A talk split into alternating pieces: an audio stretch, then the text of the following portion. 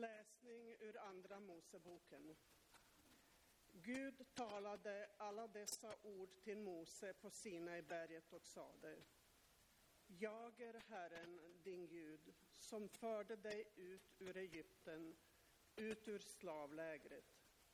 Du ska inte ha andra gudar vid sidan av mig. Du ska inte göra dig någon bildstod eller avbild av någonting uppe i himlen eller nere på jorden eller i vattnet under jorden.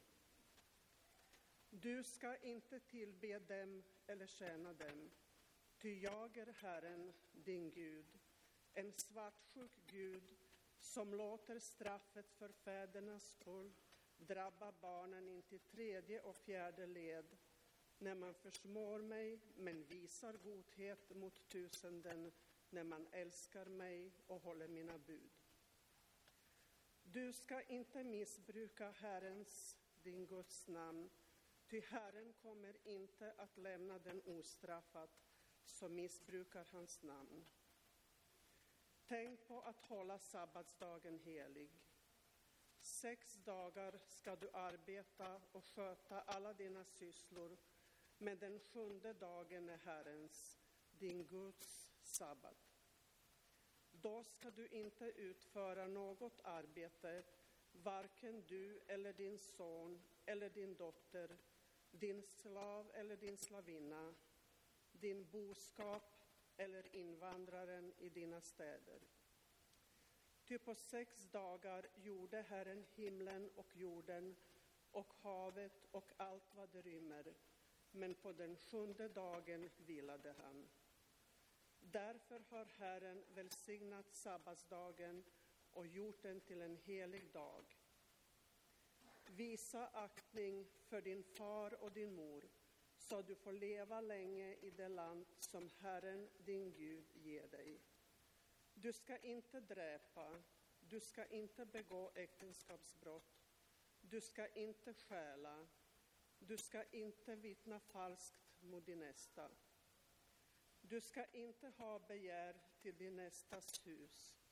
Du ska inte ha begär till din nästas hustru eller hans slav eller hans slavinna, hans oxe eller hans åsna eller något annat som tillhör din nästa. Så lyder Herrens ord.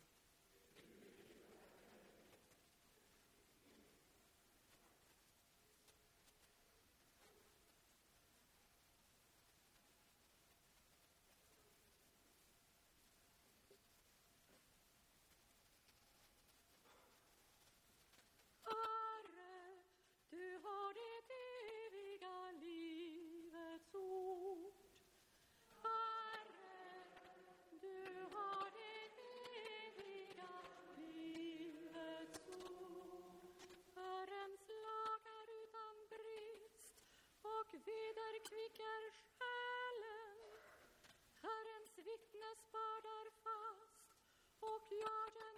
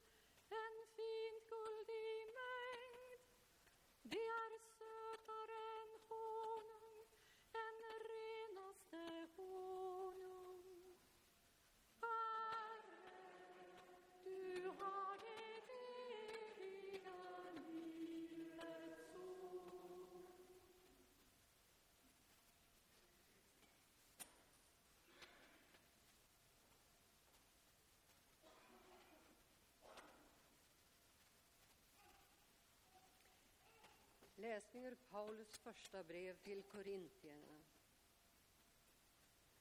Judarna begär tecken och grekerna söker vishet.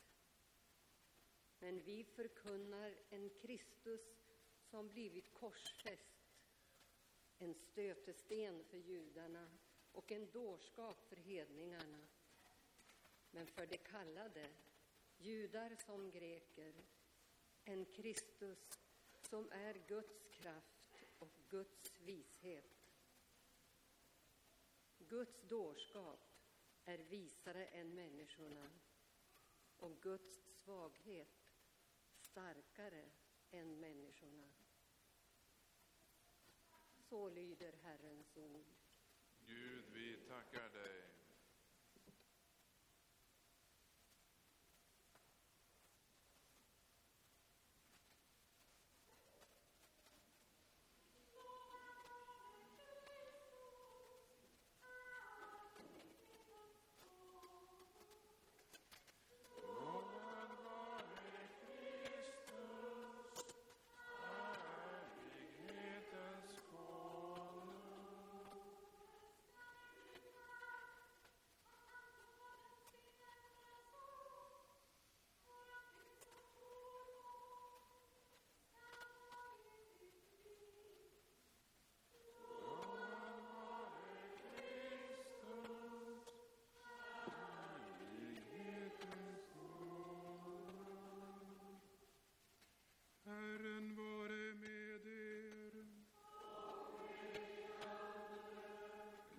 Läsning ur det heliga evangeliet enligt Johannes.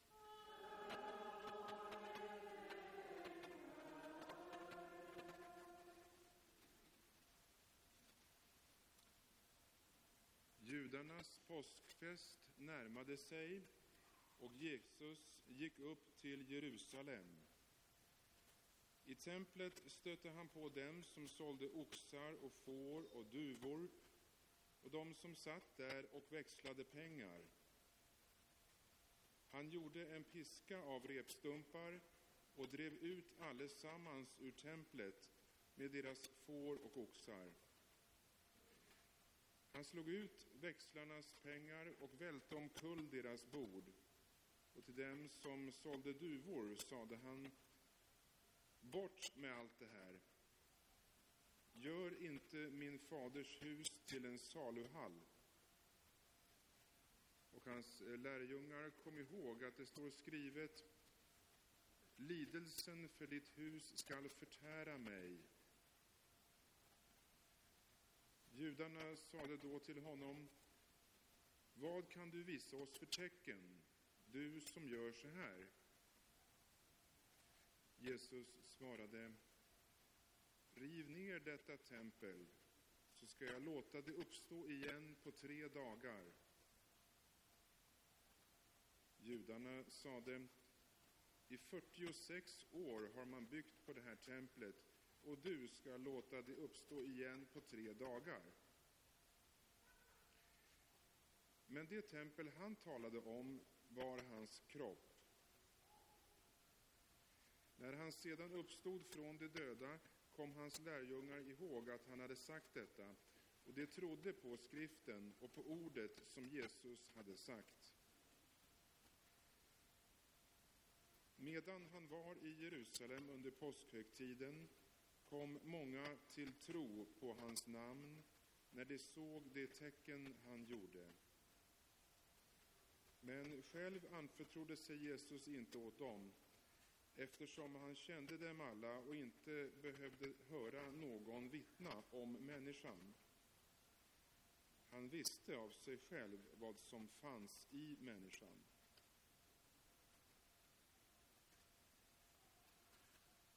Så lyder Herrens evangelium.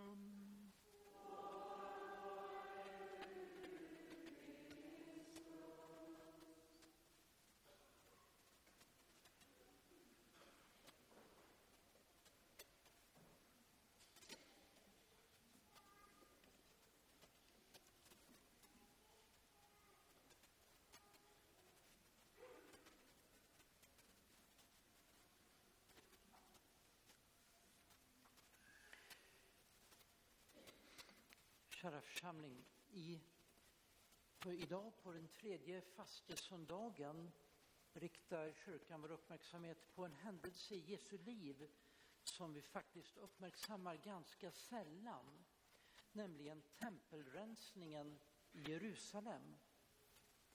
När jag förberedde den här predikan, tittade efter lite bibelkommentarer och predikosamlingar, så upptäckte jag att det fanns inte särskilt mycket skrivet om den här händelsen. Och det rör sig dessutom om en text som vi läser ganska sällan i liturgin. Den förekommer bara var tredje år, eh, just på den här söndagen i fastetiden i årgång B. Och dessutom är den fakultativ, man kan byta ut den. Eh, och det är ganska intressant, för det betyder att den här texten är någonting som säger något som, som vi vill undvika. Det här ger helt enkelt en bild av Jesus som vi inte är riktigt vana vid. En bild av Jesus som inte riktigt passar in i bilden av den milde fridsförsten. Eller den barmhärtige och fördragsamme herden som har överseende med allt och alla. Tempelrensningen ger oss en hårdare bild av Jesus och vi kanske helt enkelt vill låta den försvinna lite i bakgrunden och inte lyfta fram den så ofta. Eller så försöker vi ursäkta incidenten i templet genom att helt enkelt tänka att Jesus hade en dålig dag och så gav han prov på sin vresiga sida. I vart fall är det så att tempelrensningen den väcker frågor om vem Jesus är. Och eftersom Jesus dessutom är Guds ansikte in i världen, Guds ikon, så leder det till frågan om vem Gud är. Finns det någonting sådant som vrede och hårdhet i Gud? En del äldre människor minns säkert att det inte var så ovanligt förr att man talade om Gud på det sättet. Och vi känner alla till att det i Bibeln finns texter som talar om Gud på det sättet. Fast vi numera kanske inte är så vana vid att uppmärksamma de här texterna och att reflektera över dem. Att det nog förhåller sig på det sättet återspeglas i berättelsen om prästen som inledde sin söndagspredikan genom att säga Kära församling, jag är säker på att ni alla har hört talas om Guds underbara kärlek. Men idag ska ni få höra om hans vrede. Det ska inte bli någon vredespredikan idag direkt, men jag tänkte faktiskt använda den här texten för att reflektera lite granna kring hur Jesus uppenbarar Gud genom att handgripligen rensa templet. Hur kan vi alltså förstå det Jesus gör? Jag tror till en början att vi inte ska bara se händelsen som resultatet av ett hastigt uppflammande vredesutbrott från Jesus sida. Av den enkla anledningen att skulle det ha varit så skulle det inte ha funnits med i evangeliet. Det skulle helt enkelt varit för ointressant.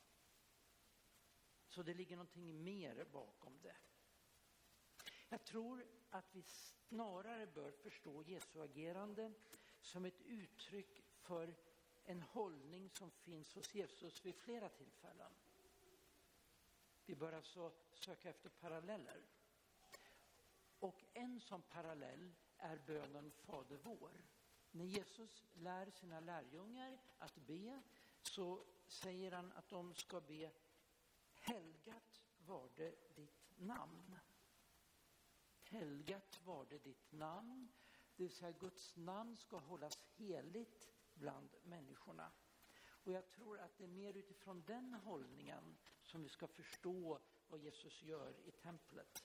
Han reagerar mot att templet profaneras och degraderas till ett medel för inomvärldsliga intressen. Det är det som han reagerar mot. Templet i Jerusalem var det mest konkreta tecknet på Guds närvaro som man hade i Israel. Templet var den främsta platsen för Guds förhärligande och därför får det inte missbrukas för några andra syften. Man skulle kunna jämföra det i vår tid om en församling skulle börja ta betalt för sakramenten till exempel.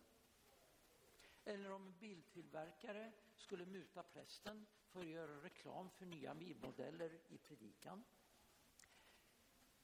Jerusalems tempel var helt enkelt inte till för affärstransaktioner. Det var vikt som en mötesplats med Gud. Och det är det som gör att Jesus rensar ut det som inte hör ihop med den här hållningen.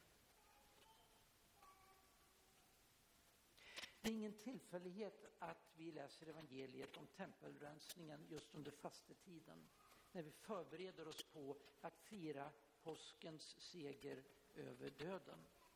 Evangelisten Johannes berättar att Jesus själv talade om att templet skulle rivas ner men att det skulle uppstå igen på tre dagar. Evangelisten förklarar att Jesus här talade om sin egen kropp. Jesu lidelse för Guds förhärligande i templet skulle förtära honom själv. Jesus låter sig förtäras på korset och det nya templet som sedan uppstår är Jesu uppståndna kropp. Och insatt i kyrkans liturgiska år blir tempelrensningen i Jerusalem en uppmaning till oss för vår förberedelse inför vårt påskfirande. Intensiteten i Jesu, liknelse, Jesu lidelse för templet det kan ses som ett uttryck för Jesu kamp inte bara mot profanering och mammondyrkan i templet, utan mot alla ondskans makter. Alla makter som skymfar Gud och som vanhelgar och bryter ner människorna som är skapade till Guds avbild. Så Jesu vrede i templet, det riktar sig mot de här nedbrytande och profanerande makterna i världen. Och samtidigt är Jesu vrede ett uttryck för hans egen ångest inför lidandet och döden. Den är hans egen reaktion inför det pris han betalar för påskens seger över de här makterna. Man kan säga att fastetiden är kyrkans påminnelse om den här kampen mot det onda. Och vi vet alla hur lätt vi blir insnärjda i dessa onda krafter och makter. Vi låter oss snärjas in i vår egen egoism, i vår bekvämlighet, i vårt högmod, i vår avundsjuka, i vår svartsjuka och andra laster. Det är lätt att bli fånge i sitt eget habegär eller att fastna i ältandet av gamla oförrätter. Vi känner alla till olika former av detta. Och det kan få oss att bygga ett fängelse kring oss själva ur dessa laster och hållningar. Ett fängelse som vi inte kan ta oss ut ur med egen kraft. Ett fängelse där det inte finns någon plats för tacksamhet och glädje. Men det finns en som räddar oss ur detta fängelse och det är det vi firar vid påsk ett nytt tempel, en plats för Guds heliga närvaro där vi själva blir förvandlade till en delaktighet av denna Guds närvaro.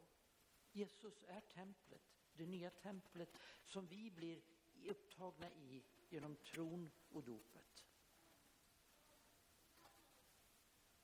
Låt oss återvända till händelsen i templet. Reaktionerna på Jesu tempelrensning låter ju inte vänta på sig. De omkringstående börjar kräva tecken från Jesus. Han ska legitimera sig. Han ska visa att han verkligen är en profet som handlar på Guds uppdrag. Ytterst sett så ställer de frågan om vem Jesus är. Och det är samma slags fråga som vi började den här predikan med. Vem är Jesus? Hurdan är han? Är han den han ger sig ut för att eh, vara? Och hur går tempelrensningen och Jesu vrede ihop med hans barmhärtighet och mildhet. Tecknet på att Jesus är den han ger sig ut för att vara, det är hans uppståndelse från de döda. Det är triumfen över ondskans och dödens makter. Uppståndelsen är bekräftelsen på Jesu fullmakt att rensa inte bara Jerusalems tempel utan varje del av skapelsen från syndens tyranni. Jesus handlar med en gudomlig kraft och fullmakt som går utöver allting skapat. Och jag tror det är här som vi också finner svaret på hur Jesu vrede och Jesu mildhet går ihop. För det finns inte något riktigt bra svar på den frågan på ett rent mänskligt plan. Jesu agerande har sin källa i Gud själv. Och Gud kan vi aldrig uttrycka fullödigt med mänskliga ord. Jesus kommer och uppenbarar det som vi själva inte har tillgång till. Så Jesu mildhet och kärlek är inte bara rent mänsklig mildhet och kärlek. Och likadant är det med Jesu lidelse och vrede. Inte heller dem kan vi förstå enbart i rent mänskliga kategorier. Guds allvar är allvarligare än människors allvar. Och Guds mildhet är mildare än all mänsklig mildhet. Guds svaghet, uppenbarat på korset, är starkare än, Gud, än varje mänsklig styrka. Och Guds vrede som segrar över det onda är ljuvligare än all mänsklig ömhet. Jesu torterade kropp är ryslig att se på, men den uppenbarar samtidigt Guds skönhet. Gud går in i de mest skilda situationer i världen, ända ner till det mest övergivna och mörka och fortsätter samtidigt att stråla av godhet och härlighet. I mötet med syndens och dödens makter tar livets Herre på sig konsekvenserna och bryter deras makt över oss. Och de sår som Jesus tillfogas i den här kampen är priset för vår räddning. När vi får sår brukar vi inte bli glada. Men Jesus sår, de talar inte om hämnd eller vrede. Hans sår, de talar om försoning, liv och uppståndelsens glädje. Amen.